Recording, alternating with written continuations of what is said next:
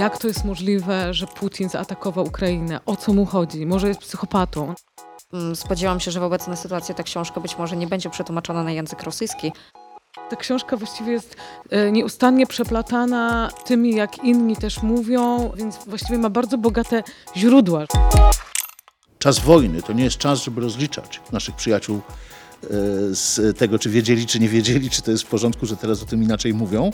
Ale przede wszystkim to też jest opowieść o takim, użyłabym słowa, duchu ukraińskiego narodu, którego nie da się zabić. No bo przyznacie, to się po prostu dobrze czyta.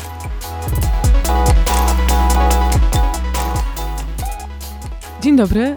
Witam Państwa w drugim odcinku podcastu Bełkot Literacki. Dzisiaj porozmawiamy o najnowszej książce Oksany Zabuszko pod tytułem Najdłuższa podróż w tłumaczeniu Katarzyny Kotyńskiej. Książka ukaże się nakładem wydawnictwa Agora. W rozmowie udział biorą Irek Green i Jana Karpienko. Ja nazywam się Emilia Konwerska i na początek chciałabym się może podzielić tym, że książka e, Oksany Zabuszko, która jest esejem na temat, właściwie chyba, e, może mnie poprawicie, w dużej mierze stosunku e, Zachodu do Ukrainy, ukraińskiego narodu i też do Rosji. Wprowadzała mnie w różne stany emocjonalne, często się nie zgadzałam z różnymi tezami i musiałam sama zweryfikować mój stosunek do Rosji, Ukrainy i moje jakieś takie przyzwyczajenia i to, jak zostałam pewnie wychowana. Według e, Oksany Zabuszko e, mamy dzisiaj 345 dzień wojny, bo ona odlicza e, właściwie, tak jakby świat się trochę zatrzymał, e, czas od momentu 24 lutego, czyli tej ostatniej inwazji. E, I chciałam zapytać na początek, może rzucić taki temat waszych emocji podczas czytania tej książki. Chcesz, Jana, zacząć o emocjach? Nie chcesz? To ja powiem, że to jest w ogóle ciekawa teza i chyba absolutnie nieprawdziwa, że to jest książka o stosunku Zachodu do Ukrainy i do Rosji. To jest jednak, w moim przekonaniu, wszystko to, czego Oksana Zabuszko, zajmując się tematem stosunku Rosji do Ukrainy, nie zdołała powiedzieć w poprzednich książkach. I tu będzie chwila o emocjach, to znaczy ja zrozumiałem, czytając tę y, najdłuższą podróż, jak, jak bardzo złożony jest ten stosunek i wzajemne zależności Rosji i Ukrainy. Zrozumiałem w końcu, że one nie trwają e, ani od 24 lutego, e, znaczy, że one się nie obracają w datach granicznych, tak? ani od Majdanu, ani od poprzednich wojen, ani, że sięgamy do powstania Rusi Kijowskiej i gdzieś tutaj zaczyna się, mówiąc językiem hermeneutów, e, spór. A więc odnoszę takie wrażenie, że Oksana, pisząc w czasach z naszej perspektywy, bo nie z jej, ale z naszej perspektywy pokojowych, swoje poprzednie książki, potrzebowała wojny, aby spojrzeć w, na ten konflikt rosyjsko-ukraiński w takiej trochę wykładowej formie, w formie jakiegoś próby uporządkowania tego, co się działo rok temu, naście lat temu, 200 i 300 lat temu. I jeśli pyta Pani, o, czy jeśli rozmawiamy o emocjach, to to była moja najmocniejsza emocja, że ona nigdy wcześniej nie znalazła tego czasu. Że w czasach pokoju uważała, że te rzeczy są oczywiste. Tak? Że w czasach pokoju sądziła, że wszyscy to wiemy. Dopiero wojna i stosunek, w tym sensie tak, Zachodu do wojny, nauczył nie tylko ją, nas wszystkich, dokazał nam w jakimś sensie zweryfikować to, o czym pani powiedziała, że jest również częścią wychowania wręcz. Ona tam zaznacza, że ta wojna trwa po pierwsze 300 lat, mhm. a po drugie, że jest to trzecia wojna światowa i zależy jej, żeby używać tego terminu. Okej, okay, no to. Ale, tylko to jest taka uwaga. Jasne, jasne. To, ale to wró wróćmy, do, wróćmy do tego, yy, bo być może to jest, od tego trzeba zacząć. Ze względu na pewien fundamentalny charakter tej książki. Bo kiedy się ją nazywa esejem, to się mówi prawdę, ale ja bym zaryzykował jeszcze y, takie określenie literatura frontowa, a zatem reportażowa. Y, nawet jeśli się nie jest na froncie, tylko jest się, tylko się na ten front nie można dostać, nie można do niego dołączyć przez fakt e, przez fakt historyczny, to może powiedzmy Państwu, bo, bo przecież nie wszyscy muszą o tym wiedzieć. 23 lutego Oksana Zabuszko przyleciała do Polski na dosłownie kilka dni promowania swojej poprzedniej książki. E, wojna wybuchła tego dnia, którego e, miała mieć pierwsze spotkanie autorskie w Warszawie, które się zresztą, które się zresztą odbyło. Ale nie było taką rozmową o książce, no, było było wielką manifestacją poparcia i wsparcia i próbą w ten czas zrozumienia tej, tej nienormalnej przecież dla nas sytuacji, w której mówimy o pełnowymiarowej wojnie, o, o wojnie po prostu e, w środku, e, w środku Europy i już nigdy później, po tym 20, po 24 lutego nie mogła, nie mogła e, do Kijowa, do Kijowa wrócić. Więc to jest jeszcze kontekst taki może dość istotny, jeśli chodzi o to, jak ta książka wtedy zaczęła być e, pisana. To ja obracam pytanie. Dlaczego Pani zdaniem to właśnie ten zachodni, okcydentalny punkt widzenia miałby tutaj być w, te, w, tej, e, w, te, w tym eseju, w tym reportażu najistotniejszy? Mi się wydaje, że E, sporo jest, zresztą rozmawialiśmy z Janą wcześniej o tym, że ona właściwie zaczyna od takiego oskarżenia trochę też zachodnich mediów i polityków, którzy nie widzieli do tego 24 lutego to tego, o, o, czym Ukraina już dawno wiedziała, że właściwie to, co robi Rosja, to nie jest nawet Putin, tylko to jest wieloletni plan eksterminacji, bo ona też wiele, wiele razy porównuje tu Ukraińców do Żydów, narodu ukraińskiego przez imperialne e, rządy Ro Rosji. Więc właściwie wydaje mi się, że zwłaszcza dla, dla takich osób, które są w jakiś sposób wychowane też na tym takim micie wielkiej Rosji, wielkiej kultury rosyjskiej, wielkiej, właściwie takiego ducha rosyjskiego, ta książka jest w jakiś sposób rewolucyjna. Okej, okay, z tym jestem w stanie się zgodzić, wejdę w słowo, ale tylko dlatego, że to, o czym pani mówi, jest pani osobistym doświadczeniem, bo o tym rozmawiamy, prawda? Natomiast to nie jest tak, że i nie było tak, że ukraińska literatura nie upominała się o ten punkt widzenia i nie próbowała odrzeć czy zdjąć bielmo z oczu Zachodu od, od wielu, wielu lat. W tym zakresie Oksana Zabuszko moim zdaniem tylko potwierdza to, o co i ona sama, ale też, też inni współcześni ukraińscy pisarze bardzo głośno e, walczyli. No tak, i to jest właśnie też e, nieustannie pojawiająca się myśl w tej książce, znaczy głos, że właściwie to, że ta wojna teraz e, w taki sposób eskalowała, dało dopiero głos takim osobom jak Oksana Zabuszko, żeby mogły to, co mówiły wcześniej, być, żeby były bardziej słyszane z tym przekazem.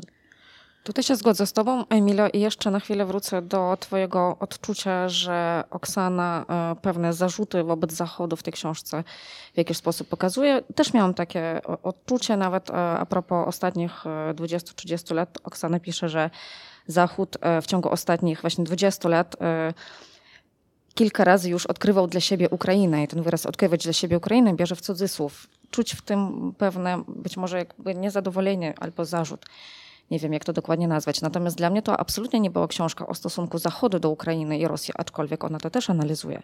To była jedna z najbardziej precyzyjnych, szczegółowych i dokładnych analiz relacji rosyjsko-ukraińskie, czyli Rosji i Ukrainy, a przeważnie właśnie mm, agresji Rosji wobec Ukrainy, które jakiekolwiek widziałam i czytałam. Mimo to, że oczywiście ta narracja jest podporządkowana pewnej myśli, dlatego odcina pewne wątki ukraińskie i rosyjskie, żeby to mm, no nie wiem, czy żeby to spójnie wyglądało, czy tak naprawdę czuję, ale to jest naprawdę jedna z najbardziej konkretnych analiz. I te analizy, które e, robi wobec Rosji, e, są z pełnym wyczuciem tematu i z obszerną wiedzą, którą nawet posiada nie każdy mieszkaniec Rosji, prawda? Na przykład nazywa Rosję więzieniem narodów. To było bardzo interesujące dla mnie określenie. Jeżeli tak popatrzymy na Rosję, to faktycznie i na historię małych narodowości, które e, zamieszkują Rosję, to właściwie nie mam jak obalić tego terminu. No, ciekawe, że odwołujesz się do tego, co cię tak bardzo zaciekawiło, na Rosja więzieniem narodu, to jest polska tradycja romantyczna, to jest cytat. To jest cytat z y, naszej literatury, okresu romantycznego, czyli okresu, y, okresu rozbiorowego.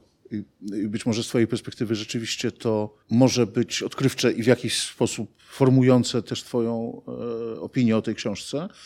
Z naszej perspektywy, z mojej perspektywy, jest to bardziej mm, odwołanie się do, bardzo precyzyjne w rzeczy samej, odwołanie się do e, takiego kodu kulturowego, który w okresie polskiego romantyzmu i takiego imperium, jakie, jak, jakie znamy z tamtego czasu, jest konieczny do powtórzenia po 200 latach i, mo, i mocnego wyartykułowania. Bo jeśli znowu wrócimy do tego wątku Zachodu, to zdaje się, że polska myśl romantyczna, e, literacka się nie przebiła. To znaczy, nawet jeśli to określenie funkcjonowało jakoś, to pewnie, pewnie w bardzo małych i bardzo wykształconych e, gronach. A dzisiaj mówimy o takiej, takim sposobie poinformowania, przywrócenia tego terminu i nadania mu tego samego sensu, w jakimś sensie dla wielu nowego sensu, e, który jest, wybaczcie kolokwializm, podbijany takimi faktami jak obecność Zabuszko w Polsce, jej sława w Polsce, E, przed oczywiście e, jest jedną z najbardziej znanych ukraińskich autorek oczywiście tutaj. Sam fakt wojny, czyli zwiększenie zainteresowania tematyką ukraińską, czy stosunków rosyjsko-ukraińskich.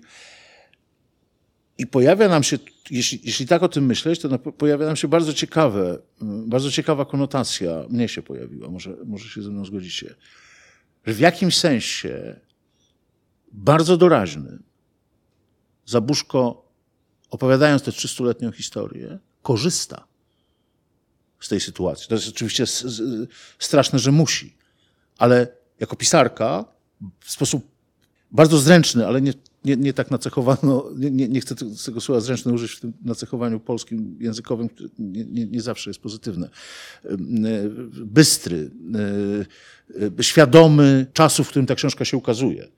Ona po prostu wykorzystuje to, aby w tym mini wykładzie skorzystać z całej pamięci oceny imperialnej Rosji przez setlecia, z całej pamięci kultury europejskiej i bardzo mocno pokazać, do czego, do czego prowadzi mitologizacja. I bardzo dobrze, że korzysta i bardzo dobrze, że tak zrobiła. Jasne. I mm, spodziewam się, że w obecnej sytuacji ta książka być może nie będzie przetłumaczona na język rosyjski, ale chciałabym poniekąd, rozumiesz co mam na myśli, no, prawda, jasne. żeby dotarła do tych ludzi, bo dla mnie ona była wstrząsająca nie tylko z racji pewnych diagnoz wystosowanych wobec Rosji, tylko przede wszystkim dowiedziałam się z niej o tym, jak czuli się Ukraińcy przez te wszystkie lata e, trudne, niełatwe i skomplikowane, już pomijając kontekst 24 lutego. E, a propos tego, że to jest książka też poniekąd reportażowa, tak? Cały mhm. długi wstęp poświęcony temu, jak Oksana musiała e, po prostu pozostawić wszystkie nadzieje, że w sobotę wróci, tak? Zostawiając i komputer, bibliotekę i tak dalej. Ten wstęp, siłą rzeczy, skoro książkę niemal w tym momencie dostajemy do rąk, no to ona została zakończona odpowiednio wcześniej, e, aby mogła się e, ukazać.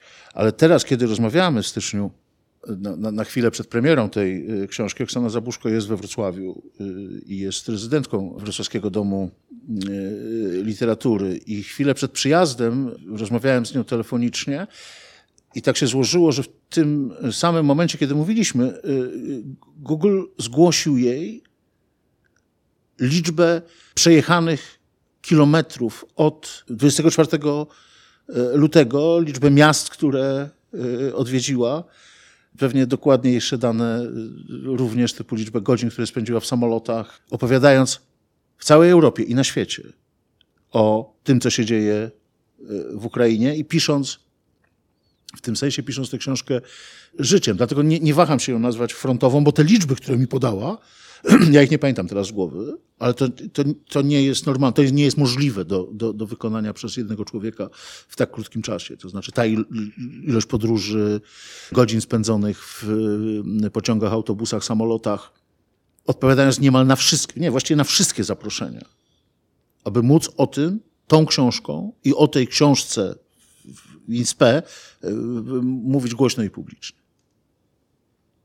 Wydaje mi się, że często też pojawia się w tej książce e, i to jest bardzo mocno związane z tym, o czym tutaj mówimy, czyli to, że autorka nie była zaskoczona, czyli nie towarzyszyła jej i osobom w Ukrainie ta emocja, która pojawiła się od razu w zachodnich mediach, kiedy zaczął się ten atak z 24 lutego, czyli zaskoczenie.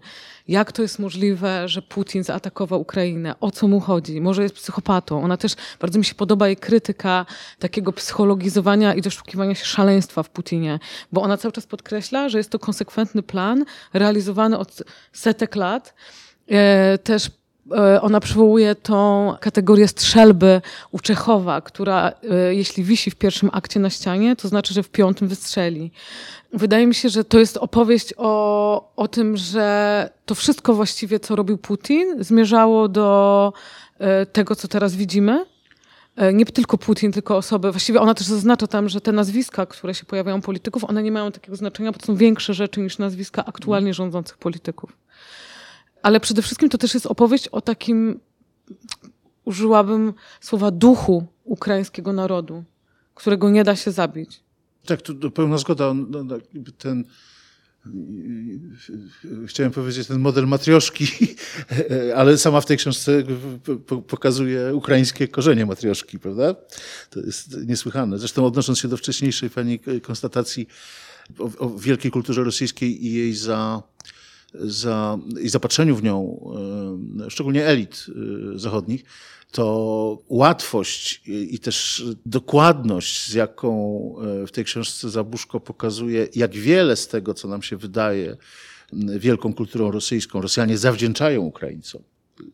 Tak teraz ta matrioszka mi się przypomniała, ale... Nawet sierp i młot też, też pojawia. Ale właśnie w bardzo, wielu, w bardzo wielu przejawach życia społecznego, ale w w życiu kulturalnym oczywiście bez dyskusji to to jest niesłychana wartość tej książki, ale i, i podobnie wszystkie te elementy, o których tutaj mówimy.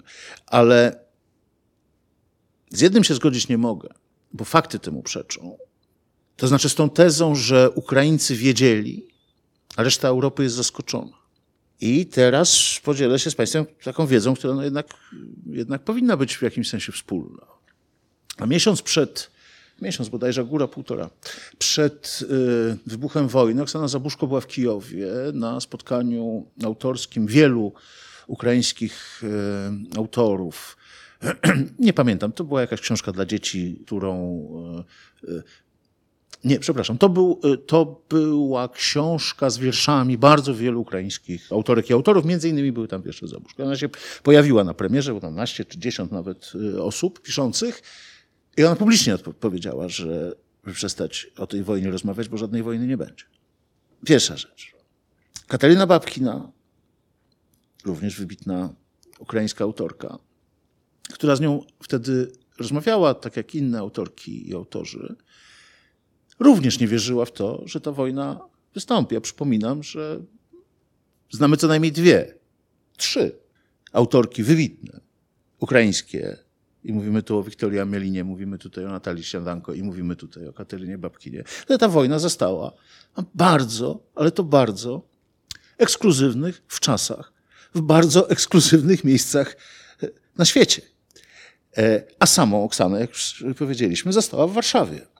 E, o czym w tej książce często się mówi, często się mówi, że, że, że, że wyjechała z, nawet nie z walizką, nie wzięła nawet własnego prawda, komputera. No, za parę dni miała e, wracać. Ona nazywa siebie sama kobietą z walizką, a potem wprowadza jeszcze określenie z nową walizką, co jest jeszcze gorsze, bo to znaczy, że ten wyjazd nie, nieoczekiwany potrwa dłużej niż... Tak, tak, tak. E, dlaczego podaję te przykłady? Nie dlatego, żeby burzyć mit o tym, że wszyscy wiedzieli. Znaczy nie chodziło mi też o ten dokładny atak tego dnia, tylko o taki konsekwentny plan po prostu eksterminacji narodu ukraińskiego. Nie, nie, to ja, ja się w ogóle nie spieram, oczywiście. Ja raczej chcę pokazać w momencie, w którym e, buduje się jakąkolwiek opozycję pomiędzy e, tym, że Ukraina i Ukraińcy wiedzieli, a Zachód nie wiedział, to jest to sytuacja fałszywa. To nie znaczy, że się nie bali. To nie, um, tak, że o tym nie dyskutowali, że nie pytali kiedy to wszystko jest prawda. To nie umniejsza tragedii. Ale budowanie dzisiaj opowieści, myśmy wiedzieli, tak? a Zachód y, nie wiedział, nie wydaje mi się do końca uczciwe intelektualnie. I oczywiście czas wojny to nie jest czas, żeby rozliczać naszych przyjaciół z tego, czy wiedzieli, czy nie wiedzieli, czy to jest w porządku, że teraz o tym inaczej mówią, tak, niż było w rzeczywistości, bo to nie jest ten czas i w ogóle tego nie potrzebujemy. Niemniej, dla pewnej uczciwości naszej chcę wyraźnie pokazać, że to działanie, zresztą to z książki Zabuszko też wynika, właśnie z tego faktu, że następnego dnia, czy no, nie następnego, ale powiedzmy po dwóch dniach rano miała samolot z powrotem do, do Kijowa, to niedopuszczanie do siebie myśli, że to się jednak stanie. No właśnie, czym jest ta wiedza, tak? Wiedzieć, nie wiedzieć. Przecież pierwsza e, opinia, pierwsza myśl tak zwanego Zachodu, nieważne, chyba wydaje mi się, że Stanów, to, że Ona ten atak będzie 16 lutego, prawda? Czyli jakaś wiedza była. E, ale, I tak samo jak teraz, jak już jest 345 dzień e, tego, co się dzieje od lutego, tej, tej, tej, tego nowego etapu wojny, bo już nie mogę powiedzieć, że wojny po prostu, prawda? Absolutnie tutaj się zgadzam z Oksaną.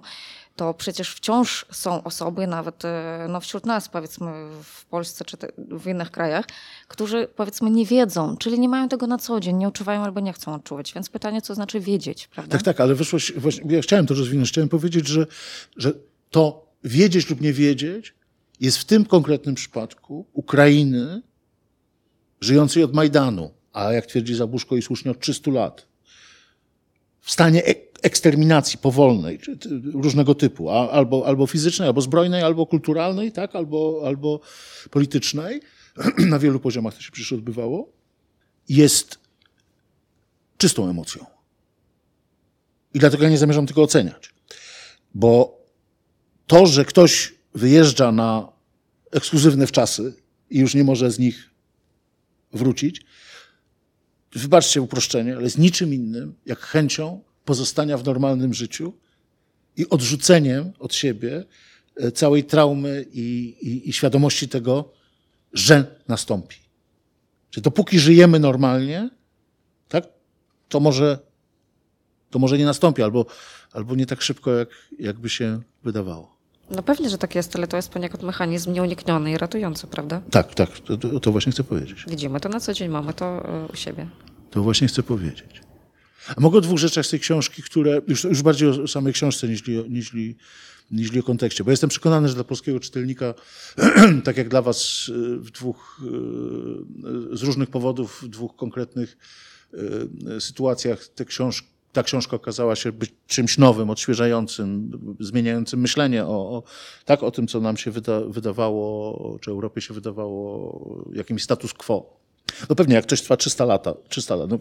No, porównanie do Żydów o tyle wydaje się nie, nie na miejscu, że tu przez 6 lat zeksterminować naród to dopiero zaskakujące. Jak się robi 300 lat, y, to naprawdę możemy się umówić, y, możemy się umówić co do tego, że, że ta część świata, w której to się nie dzieje, może się do tego po prostu przyzwyczaić. A tym samym nieszczególnie się tym zajmować. No, co doprowadza do konsekwencji, jakie, z jakimi mamy teraz y, do czynienia. No, dwóch rzeczach chciałem powiedzieć z wnętrza tej książki. Y, zacznę od tej, która tu chyba z ust pani Emilii lekko została zasugerowana.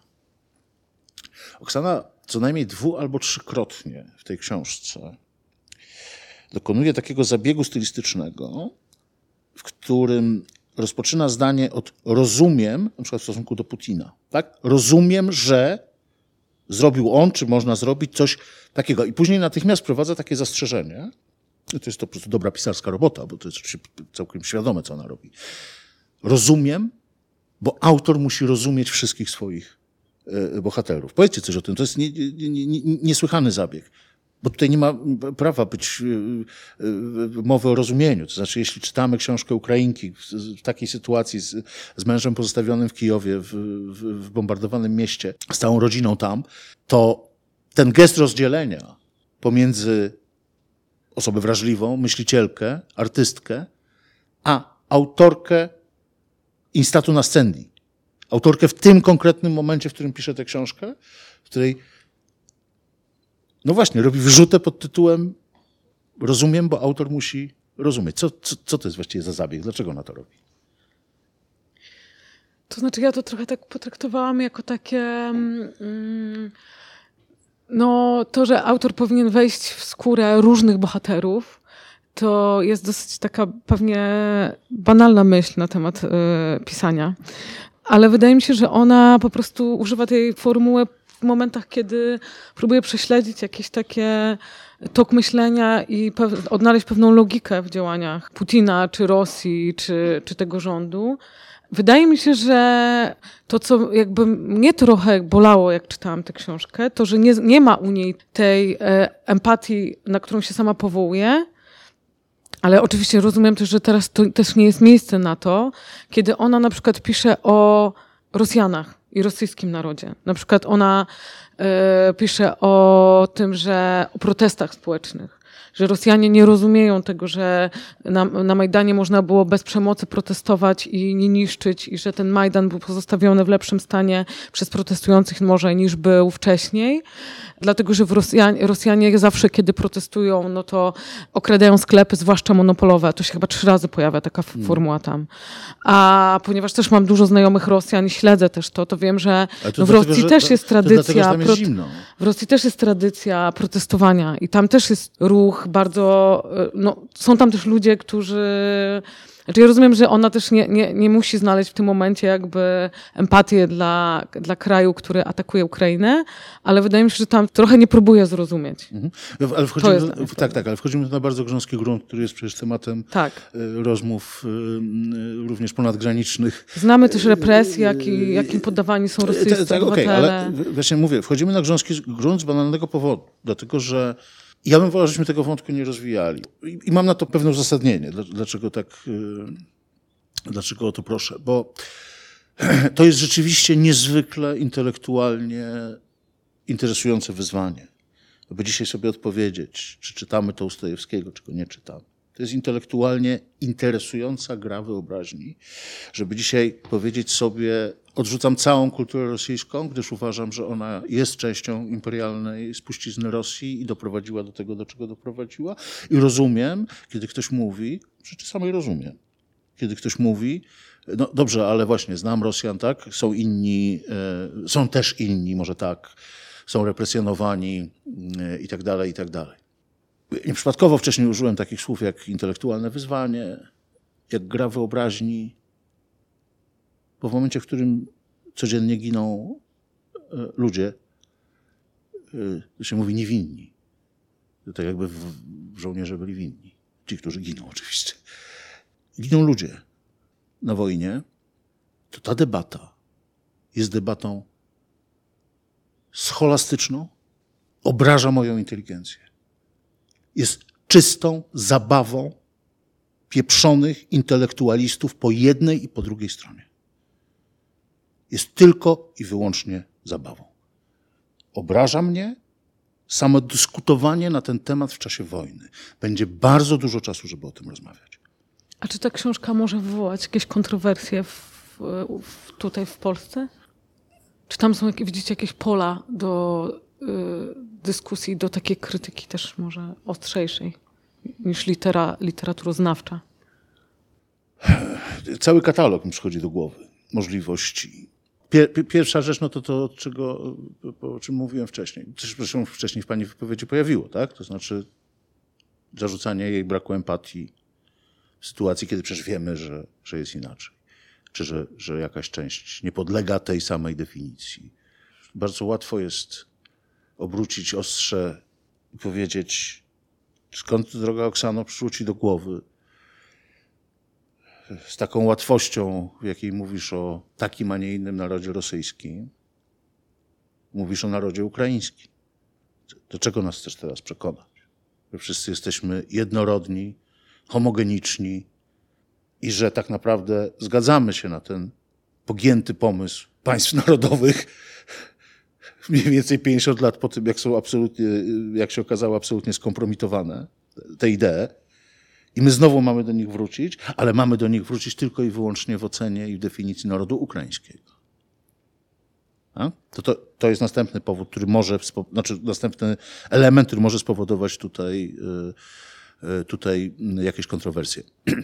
Później jest kwestia, to nie jest żadną tajemnicą. Te dane już y, nie są poufne. Badania opinii publicznej, trzymajmy się tylko Polski, pokazują coraz większą niechęć do angażowania się. I to jest najdrobniejsze, ale również do samych uchodźców wojennych. A zatem następna książka, która będzie i ma prawo do tego, żeby była jasność. W koherentnym, istotnym wykładzie pokazywać nam, kto tu tak naprawdę jest tym złym, e, może zostać odebrana jako następna próba e, deformacji rzeczywistości przez tych ludzi, którzy już tego nie chcą słuchać. Tak? Którzy już nie chcą w ogóle myśleć o, o, o tym, że tam jest jakaś wojna, a już dawno zapomnieli, chociaż jeszcze parę miesięcy temu pamiętali i głośno o tym krzyczeli, że ta wojna jest tu. Ona nie jest tam. W tym sensie jest trzecią wojną światową. Gdzie się z Zabuszko trzeba absolutnie zgodzić. I myślę, że mógłbym jeszcze podać kilka powodów, nie? dla których to może być y, kontrowersyjne. No, gdzieś na końcu tego, tego spisu będzie to, co się wokół Oksany Zabuszko stało przez ostatnie dwa miesiące, trzy miesiące w Polsce, czyli wystąpienia oszołomów i, i nazistów polskich y, przeciwko niej osobiście jako, otwieram cudzysłów teraz, bo to oczywiście nieprawda, piewczyni y, zbrodni wołyńskiej. I w tym sensie, jeżeli złączymy te dwa ataki na nią jako na osobę, bardzo kłamliwe, a z drugiej strony przemyślne i dobrze zorganizowane, co przeraża, żeby była jasność, co o tym myślę. Przeraża właśnie to zorganizowanie tych, tych, tych, tych małych gnojków o, o kompleksach wielkości Syberii. To jeżeli złączy się jej taką właśnie popularność, którą ostatnio uzyskuje, poza literacką popularność w Polsce, z racji wielkiej liczby mm, medialnych y, y, informacji na temat wydarzeń podczas jej spotkań. Tak, z jednoznacznością tego wykładu, z jego, to, bo jest jeszcze, to jest jeszcze taka książka, chyba się zgodzicie, która nie dopuszcza dyskusji. No ona myślę, jest bardzo ostra, tak, bardzo myślę, kategoryczna. Gdyby, Tam się często pojawiają wykrzykniki. Mhm. Myślę, że gdyby Oksana, jeśli posłucha tego naszego spotkania, to właśnie przestaniemy być jej dobrymi znajomymi i będziemy musieli ją długo przekonywać do tego, że nie, nie jesteśmy przeciwko, tylko za. Nie, no ta książka moim zdaniem zrobi bardzo, no będzie jakimś, jakąś rewolucją na, w Polsce i, i, otworzy nową dyskusję i no wydaje mi się bardzo potrzebna i jestem bardzo sama ciekawa tego, co wywoła, mhm. wszystkich głosów, które się wydarzą. A może jeszcze byście powiedzieli na koniec o tym, co dla was było nowe nie, nie, i najbardziej ale, interesujące? Ale jeśli, jeśli, mogę, bo chciałbym, żebyś Jana też do kontrowersji odniosła. Czy widzisz tutaj tak. coś takiego, o czym myśmy nie powiedzieli? Że, że, że jakiś inny rodzaj jeszcze kontrowersji tu może zaistnieć? Musielibyśmy zanurzyć się w cytatach, żeby jakieś konkretne zdania rozpatrzyć, czy mogłyby wywołać kontrowersje. Moim zdaniem tak, zwracałam na to uwagę też, ale wydaje mi się, że główne tematy zamknęły się w, na, w twojej liście, którą już właśnie wymieniłeś. Mhm. To, to, tak na koniec. Y, to, to trzeba jeszcze powiedzieć o, o, jednym akcencie tej y, książki, który nie jest do końca akcentem, jest dość ciekawą formułą, kiedy próbujemy tę książkę złapać, uchwycić w tym sensie w, y, gatunkowo. Mówiliśmy esej, mówiliśmy reportaż, tak? Pójdź to wymiesza. Tam w tej książce mówi się o tym pisaniu, Oksana Zabuszko nazywa to literaturą okopową. Skąd, skąd to się wzięło? Na, zresztą na ten, na, ten, na ten aspekt książki zwróciła uwagę noblistka, polska noblistka Olga w, w rekomendacji w blurbie tej, książce, tej książki, że Oksana Zabuszko, jakśmy już tu powiedzieli, lądując z jedną torbą czy z jedną walizeczką, a, a bez laptopa i zostając tutaj, a chcąc pisać i chcąc kontynuować pracę, została bez swojej biblioteki. I oczywiście wiemy, że to jest czas internetu i jeśli ma się do niego dostęp, to można wiele rzeczy sprawdzić, ale jeśli nie ma swojej biblioteki, a pisze się o tak ogromnej y, przestrzeni czasu, o której pisze Zabuszko, czyli tych 300 latach, y, no to wielokrotnie trzeba sięgać do źródeł upewniać się, przypominać sobie cytaty, a, a jeszcze, jeszcze nie wzięliśmy z sobą naszych własnych notatek. Przez lata tak, nawarstwiały się i odkładały się w tę książkę, której jeszcze nie napisaliśmy. No to wtedy jak tego wszystkiego nie ma, to jak pisać książkę? Co autor, autorka ma z sobą w takiej sytuacji zrobić? Zabuszko mówi, to rzeczywiście jest problem, ale widziałam nauczycieli akademickich, którzy prowadzili zajęcia, czy prowadzą zajęcia z okopów przez Zuma. W związku z powyższym, dlaczego ja nie miałabym spróbować literatury okopowej, prawda? Bez źródeł. To jest ciekawa kategoria e, krytyczno czy teoretyczno-literacka, która moim zdaniem będzie dzięki tej książce też otworzy nową dyskusję w sensie e, genologii literatury. Dlatego, że no właśnie, niby odrzucamy to od razu, myślimy, ale przecież jest internet. Nie, nie. nie. Jest bardzo, bardzo wiele rzeczy, których jeśli zostajemy bez swoich notatek, to wracamy do tego bardzo pierwszego, bardzo prymitywnego, może nie prymitywnego, ale bardzo pierwszego, najstarszego sposobu uprawiania literatury, czyli po prostu literatury oralnej.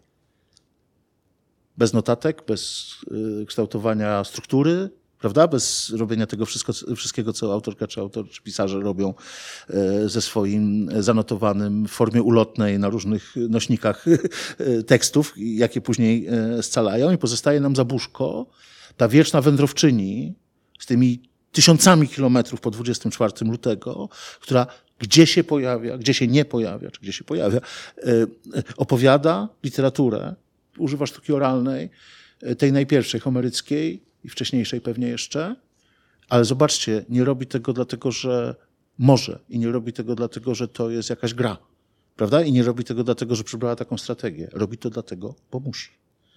To wszystko się pokrywa z tym, e, co pisze właśnie w tym długim wstępie, że na mhm. pierwsze dwa, trzy dni, kiedy jeszcze nie wiadomo było, że nie wróci do Ukrainy, e, miała zaplanowane 14 wywiadów. E, I potem, z tego co wiem, to co dwa, trzy dni Nowe Miasto, tak, a więc tam kolejna prasa, kolejne wywiady, więc jak najbardziej, tak, sztuka oralna przede wszystkim, a potem spisywanie tego wszystkiego, doskonalenie swoich zdań, fraz, formułek, w które to wszystko trzeba zapakować, chociaż to wszystko się rozjeżdża, prawda? Codziennie nowe newsy, nowe rzeczy. Więc mogą, możemy tylko pozostawać tutaj po prostu w podziwie, e, jak to wszystko się potoczyło. I byłam na tym spotkaniu z Oksaną w Warszawie tego pierwszego dnia, kiedy wybuchła ta, ta część wojny i już wtedy było wiadomo, że no ona jako pierwsza z pisarek, pisarek znanych, z intelektualistek znalazła się poza granicami kraju, tak? E, jeszcze nie zdążyła wyjechać ani Katarina Babkina, ani, ani nikt inny. Więc oczywiście na nią to wszyscy się rzucili po prostu jako na pierwszą i to mhm. było jej duża odpowiedzialność, ale też wydaje mi się, że przez takie wydarzenia właśnie i, i kształtuje się w jakiś sposób los, czyli wiedziało, że skoro ma być tym pierwszym głosem, no to już na nią e, ta odpowiedzialność e, spada poniekąd. Tak, ale to, to też podnosząc to na nieco wyższy poziom, ale nie w znaczeniu hierarchicznym, tylko takim meta, y, to, to ciekawe, że i, i, chyba dobrze, że ten los komentatorki, pierwszej komentatorki y, spotkał pisarkę właśnie. Prawda? E, tak, ale ta, ta, ta, literatura i ten, ten esej, on jest też bardzo bogaty poza jej e, doświadczeniem, jej słowami. Cytaty. Tam się pojawiają i wypowiedzi rosyjskich jeńców wojennych, i ich ma, ro, rodzin, jej wydawców, osób, z którymi rozmawiała, dziennikarzy. Także ta książka właściwie jest e, nieustannie przeplatana tymi, jak inni też mówią, więc właściwie ma bardzo bogate źródła, że tak powiem. Mhm. Miała użyć takiego naukowego języka. Ale co, co ciekawe, to jest też charakterystyczne dla każdej opowieści oralnej, że ona się żywi bieżącą. Tak. E, nie, nie, pozostawiając się na piśmie, nie, nie, nie odczekując tego czasu, w którym czytelnik będzie mógł po to sięgnąć w formie zamkniętej książki, staje się, tak jak e, social media, staje się po prostu powieścią trwającą teraz, zmieniającą się w zależności od tego, co, co E, się wydarza, wybaczcie wyrażenie, w tej rzeczywistości obiektywnej, a nie, e, a nie wirtualnej. E, I to znowu odnosi mnie do tego, do tego przekonania o, o swoistości i unikatowości tego sposobu mówienia, przy czym nie jest to do końca zasługa konstrukcji tekstu literackiego, tylko konieczności dostosowywania się każdorazowego autorki do wypowiedzi publicznych z nowymi kontekstami, z nową wiedzą, która jest. Najbardziej żywa literatura, jaką sobie można wyobrazić. I do zakrętów własnej myśli. Pamiętacie, jak Oksana mówi o swoim sposobie mówienia, zabuszkowskie zdanie, więc tak. ta książka jest taką, takim powiększonym zabuszkowskim zdaniem w najlepszym sensie tego słowa. Tutaj zresztą e, no tłumaczka sobie znakomicie z tym poradziła. No bo przyznacie, to się po prostu dobrze czyta. Tak. Jedna z tej strasznej literatury, którą się dobrze czyta. te wszystkie rzeczy. Dla mnie na przykład ważne też w tej książce było to, że ona tłumaczy to, co na przykład to, co mówią politycy. Czyli na przykład, kiedy Putin mówi o tym, że e, Rosjanie i Ukraińcy to jest jeden naród, no to ona mówi, co to znaczy tak naprawdę. Czyli to znaczy, że Ukraińcy nie istnieją jako naród, tylko są Rosjanie, którzy po prostu powinni wejść na ten jakby teren i że to jest naturalne. Czyli jakby ta e, dyskusja z przekazami polityków polityków i mediów też jest bardzo ważnym dla mnie wątkiem tej książki, który, w którym ona analizuje tu krok po kroku to, co słyszymy, a co to tak naprawdę znaczy. Ma wiedzę, której my też mam wrażenie jako odbiorcy po prostu przekazów nie mamy tak pogłębionej. Ja podsumujmy, bo tak wiele wol- Tak, wątków się, ja tak się nam podziało. Podsumujmy to w taki sposób, że staraliśmy się, staraliśmy się y, i emocjonalnie i jakoś bardziej rozumowo podchodzić do różnych poziomów y, tej książki i chyba z tej rozmowy udało się, mam nadzieję, udało nam się pokazać, jak wiele jest tych poziomów i jak na różnych y, sposobach, jak na różnych płaszczyznach trzeba tę książkę i powinno się ją czytać, nie osądzać jej, ale bardziej próbować zrozumieć te, tej unikatową żywość, oralność. I, I jako, że jesteśmy, nie wiem, dzień czy dwa przed premierą, no to, to chyba możemy powiedzieć, że jeśli komuś wydaje się, że te bomby tam teraz spadają, ale nas to już nie dotyczy, bo minęło dużo czasu, bo jesteśmy zmęczeni, bo, bo, się, bo obojętniejemy jako społeczeństwa na, na, na tego typu fakty, to chyba powinien po tę książkę sięgnąć. Nawet jeśli miałby zakończyć ją wściekły, wściekła, to powinien sięgnąć, by zobaczyć, jak, jak głębokie są korzenie tego, e, tej próby wyrugowania, wy, wymazania e, Ukrainy i Ukraińców przez Ros Rosję i Rosjan w historii świata.